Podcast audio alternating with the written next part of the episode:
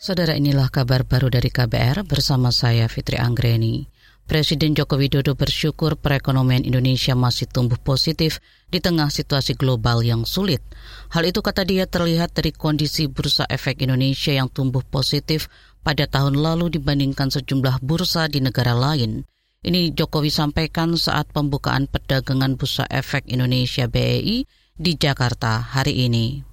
Kalau kita lihat bursa kita, pasar modal kita, kita juga patut bersyukur bahwa indeks di tahun 2022 itu mengalami kenaikan 4,1 persen dibandingkan bursa-bursa di negara-negara lain yang mengalami penurunan yang sangat tajam.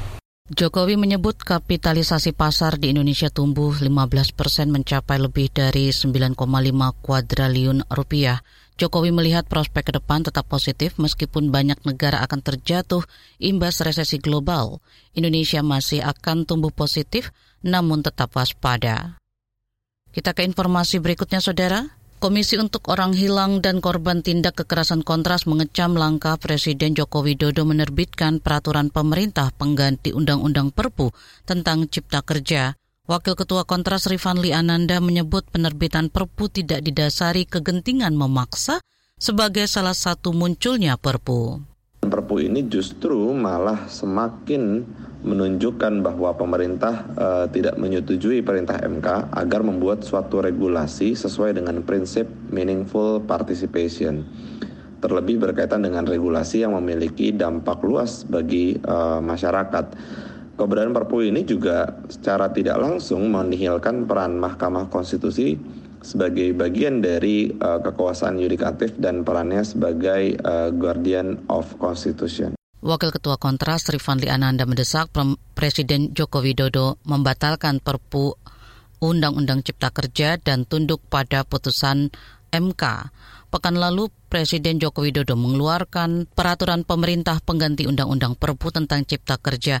Jokowi beralasan ketidakpastian ekonomi global menjadi alasan dia menerbitkan Perpu itu. Kita ke Sumatera Utara, Saudara. Wali Kota Medan, Bobi Nasution menolak perilaku lesbian, gay, biseksual, dan transgender LGBT di wilayahnya. Hal itu dia sampaikan setelah melihat situasi malam tahun baru yang diikuti pasangan sesama jenis di sekitaran Jalan Raden Saleh Medan. Dia mengklaim penolakan itu juga datang dari presiden dan tokoh-tokoh agama. Tadi saya bilang kita pengen tadi juga pesan dari tokoh-tokoh agama kita harus menghindari hal-hal seperti itu. Kesehatan juga harus kita tekan. Hal-hal yang di luar kebudayaan kita nggak ada satupun etnis di kota Medan ini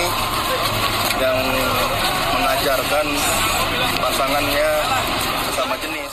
Wali Kota Medan, Bobi mengklaim perilaku LGBT membawa efek buruk bagi keberlangsungan hidup bermasyarakat. Saudara demikian kabar baru dari KBR, saya Fitri Anggreni. Salam.